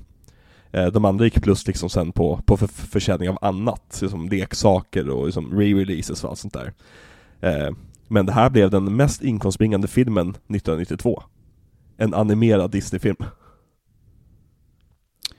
Det är nice. Den drog in en halv miljard, vilket på den tiden är mycket pengar. Ja, alltså fatta vad det är om du skulle konvertera det till dagens valutakurs. Ja. Jag skulle säga dubbla det nästan. Och på en tid där filmen inte gick så pass eh, högt liksom, också. Mm. Men den blev ju också Oscarsnominerad i massvis av kategorier. Eh, dock inga särskilt prestigefyllda. Eh, nu är vi inne i det här att de bara blir nominerade i ljudkategorier igen. Men eh, Menken vann sin andra Oscar, nej sin tredje Oscar, för Best Original Score. Eh, A Whole New, New World vann Best Original Song, men även Friend Like Me var nominerad. Och där tycker jag att vi kan bara kasta om de två så är jag nöjd. Mm. Ja, jag, alltså, personligen så håller jag ju med dig, men jag tycker inte det är rätt objektivt inom citationstecken. Mm. Best Sound var nominerad i också, och även Best Sound Effects Editing var den också nominerad i. Eh, på tal om sound editing, jag såg om eh, The eh, Killing of a Sacred Deer igår. Mm. Och den har sån jävla bra sound editing. Hmm. Det finns en scen när, när eh, hon, tjejen i familjen, hennes kör står och repar. Och så är vi typ bakom en plexiglasskiva. Och vi hör dem lite dovt, men så fort kameran kommer förbi plexiglasskivan så blir det full ljudbild och det är bara en sån jävla ball effekt. Åh, jag vill se om Jorgos Lanthimos filmer. Ja, jag såg det med eh, min kompis Robin som aldrig hade sett en Giorgos Lanthimos film tidigare. Han var så förvirrad över vad det här var för något. Jag har aldrig sett honom vara så Nice. förvirrad över en film. Och jag berättade Ja, såklart nej. ingenting om den innan. Nice. Åh, fan. The Lobster. Mm. Ja, The Favourite. Mm. Mm. Väldigt bra. När han gör lite fler filmer kanske vi kan köra honom i podden. Lätt. Ja. Men eftersom den här filmen blev så pass otrolig succé så kom ju också ett tv-spel. Spelade du det tv-spelet? Nej, men jag känner igen stillsen från det. Eller så här, jag har aldrig spelat det, men jag tror att jag har varit typ hos någon som har haft det och så, typ tittat på. För jag spelade det på Gameboy. Mm. Och jag minns att det var så jäkla kul. Det var en, ett av mina favoritspel, men sen gick den kassetten sönder efter att jag lånade den till min kusin. Man ska aldrig Inte låna ut bra. saker till kusiner. Nej, man ska inte det. Nej. Men även, de gjorde ju tv-serier på den här som blev jättes, jättebra. Eh, eller jättestor ska jag säga. Det är typ en av deras mest framgångsrika tv-serier eh, som blev baserad. Den och Hercules typ. Eh, och den minns jag att den följde jag ju när den gick på Disney-dags. Och även uppföljarna var vi inne på. Eh, speciellt Mm. Tjuvarnas konung. Det är en, i, alltså även nu i vuxen ålder, tycker jag att det är en genuint bra Disney-film. Eh, Med ett riktigt bra soundtrack. Hur är det? Det är att Aladdins pappa är rövarnas konung va? Ja precis, Aladdin och Jasmine ska äntligen gifta sig efter mycket om och men. Och eh, Aladdins, nej, och på bröllopet så eh, kommer det tjuvar dit för att stjäla en, en typ present de har fått. Som visar sig vara typ oraklets hand. Men så visar det sig att han som leder de här skurkarna, det är Aladdins borttappade pappa. Som övergav Aladdin när de var barn. Och det är också en väldigt, väldigt mörk film, med, som hanterar väldigt mörka eh, teman, som över, alltså det är lite grann, den lån, eh, Shazam och den har lite grann samma te- tematik. Mm. Alltså såhär, du övergav mig, hur ska jag kunna lita på dig igen? Liksom. Mm. Eh, väldigt bra faktiskt. Jag kan starkt rekommendera den. Tror jag. Mm. Men vad sätter du för betyg på Aladdin då? Jag vet, alltså igen, jag borde sätta en 10 av 10 men eh, den når inte upp till en 10 av 10 och jag vet inte varför. Det är en 9 av 10 för mig eller en 4,5 av 5 för att det är någonting som saknas men egentligen saknas ingenting. Ehm, jag kan inte svara på varför. Jag tror att det är kanske nästa veckas films fel. För att typ när man jämför dem så Ja, nej, jag tar det nästa vecka helt enkelt. Det är taskigt att jämföra saker mot nästa, nästa veckas film. Överlag. Ja, jag vet, men tyvärr så är det typ det man måste göra för att det, är, det kommer från samma liksom, studio och då blir det som att då borde egentligen vissa saker kunna vara 6 av 5 och den här är 5 av 5. Men Mm. nu håller vi oss på en femgradig skala och då måste jag knuffa ner den här en halv stjärna så att det blir 4,5 av 5. Mm, mm. Men det är ett mästerverk tycker jag. Det här är verkligen en av de bästa tecknade filmerna som har gjorts. Jag brukar sätta samma betyg som du sätter, alltså 9 av 10 på den här. Men den här visningen kände jag såhär, mm, det här är nog en fyra. Jag, jag är väldigt nöjd med allting, men jag vet inte vad det är som saknas för att det ska nå upp ännu högre. Eh, det kanske bara var för att jag var tvungen att stressa mig igenom den här filmen lite grann. För att få den sedd innan inspelningen. Eh, det är alldeles bra, ett bra, liksom, en bra förutsättning för att njuta av en film. Men eh, jag, jag älskar den här filmen också, det är en av mina absoluta favoriter hos Disney. Eh, den kanske höjs ett snäpp vid nästa omtitt. Eh, men vid den här titeln blir det 4 av 5. Jag förstår. Jag, jag kan liksom inte egentligen motivera mina betyg i mitt huvud för jag tycker att den här dansar åttor runt eh, Skönheten och odjuret som film. Mhm. Men fortfarande så tycker jag att de är väldigt så här, likvärdiga i mitt huvud. Men det är ingen tvekan om vilken film jag helst skulle vilja se för underhållningsvärdet i den här filmen tycker jag är miles ahead av Mm. Skönheten och odjuret. Ja, men jag tycker någonstans att Skönheten och odjuret är mer seriös som film betraktad. Men så här Mm. är typ det roligaste barnfilmen jag kan komma att tänka på. Ja, det här är verkligen äventyrsäventyr. Ja. Jag tror att jag just nu känner mig mer sugen och mer, så så här, att jag känner mer respekt för en seriös film än en barnfilm. Vilket man kanske inte borde göra. Man kanske borde bara Jag vet inte, nu överanalyserar jag mitt eget betygssättande. Fyra av fem är också ett jättebra betyg så. Mm. MVP, vem är din MVP i den här filmen? Åh gud vad svårt. Alltså, egentligen borde det vara anden för att han spelar typ i en egen liga. Men den som verkligen tog mig på sängen den här gången, det var Jago. Jag tyckte Mm. Jago var helt fantastisk. Jag garvade så jäkla mycket. Men eh, alltså garv, mellanrummet mellan skratten i den här filmen är ju nästan icke-existerande. Man Ja. sitter och skrattar konstant. Man hinner inte andas när man ser den här filmen. Nej. Nej. Den är, ja, och den, och vi har inte pratat om det ens men kemin mellan eh, Jasmine och Aladdin är helt fantastisk. Man känner ju direkt att, alltså det är typ mitt favorit Disney-par på Mm. rak arm. Verkligen. De känns som gjorda för varandra, vilket de är. Ja, Men, eh, ja men att de båda är, man, man, man tycker så mycket om båda, båda är verkligen sina egna karaktärer. Det är inte som Erik i eh, Lilla. Sjöjungfrun som man inte bryr sig ett skit om. Eller liksom han, han känns mer som ett våpen. Här, här har vi verkligen två personer som egentligen borde vara filmens huvudkaraktärer och båda är det egentligen samtidigt. Därför tycker jag att det borde heta Aladdin och Jasmine egentligen. mm, mm. Men det är intressant att jag blev din MVP när det på förhand lätt skulle kunna vara en karaktär som du skulle avskytt. Mm. Det, Men det sånt tycker jag om. vet inte vad det var du sa, om det var i det här avsnittet eller om det var förra veckan. Ehm, ja men att liksom, hu- humorn, här, här görs ju humorn,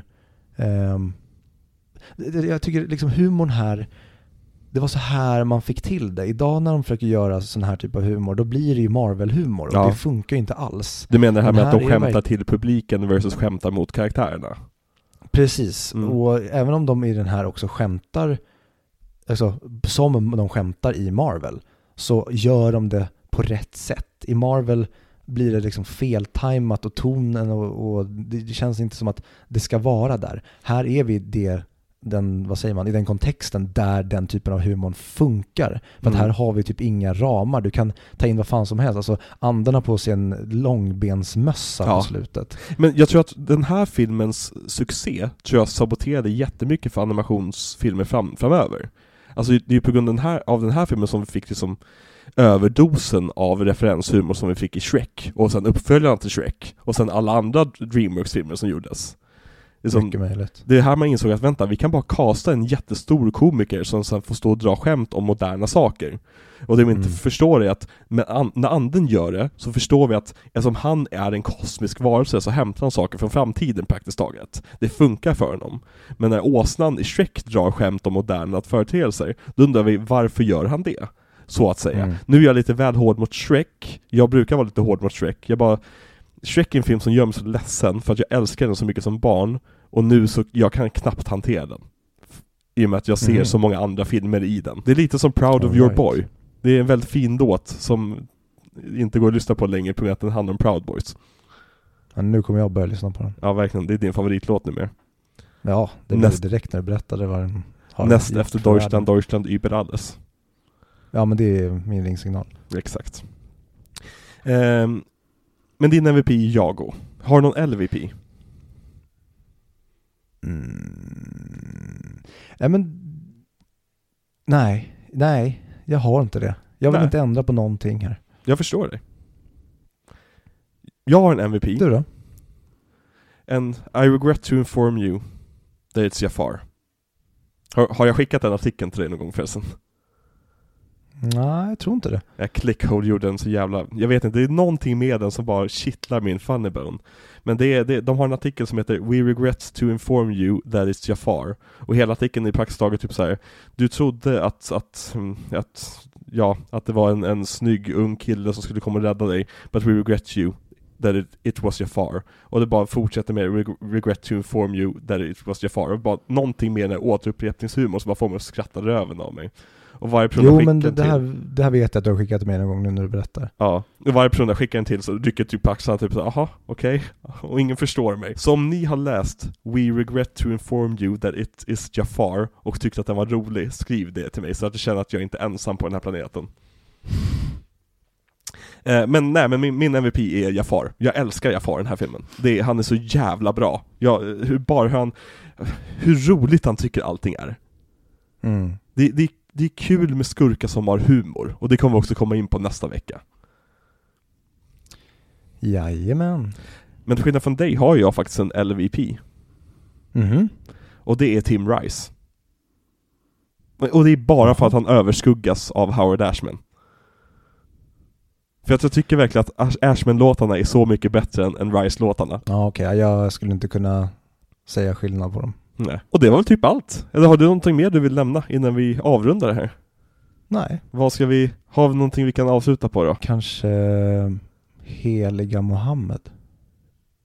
Finns det inte någon som heter Hakim? I filmen? Ja. Eh, vet ej. Vi måste googla upp, för då kan vi bara säga Hakim. Hakim är han som spelar eh, den s- största, eller den bästa vakten i eh, remaken av Aladdin. Så det kan vi, det kan vi ta. Då kör vi det. Bra. Nästa vecka, Ha. nej vi, vi är inte färdiga, det här gjorde vi förra avsnittet också. Nästa vecka ska vi se Lejonkungen, för den som inte har förstått det. Lejonkungen, Lejonkungen, Lejonkungen, Lejonkungen. Jag är så jävla Lejonkungen. taggad Viktor. Inte jag. Den... Nej. Nej. Uh, äh, fan, nej. någon jävla dålig Hamlet-remake, vem fan bryr sig? Verkligen. Ja. Kom på något nytt för fan. Exakt. Och med det sagt så kan vi säga Hakim!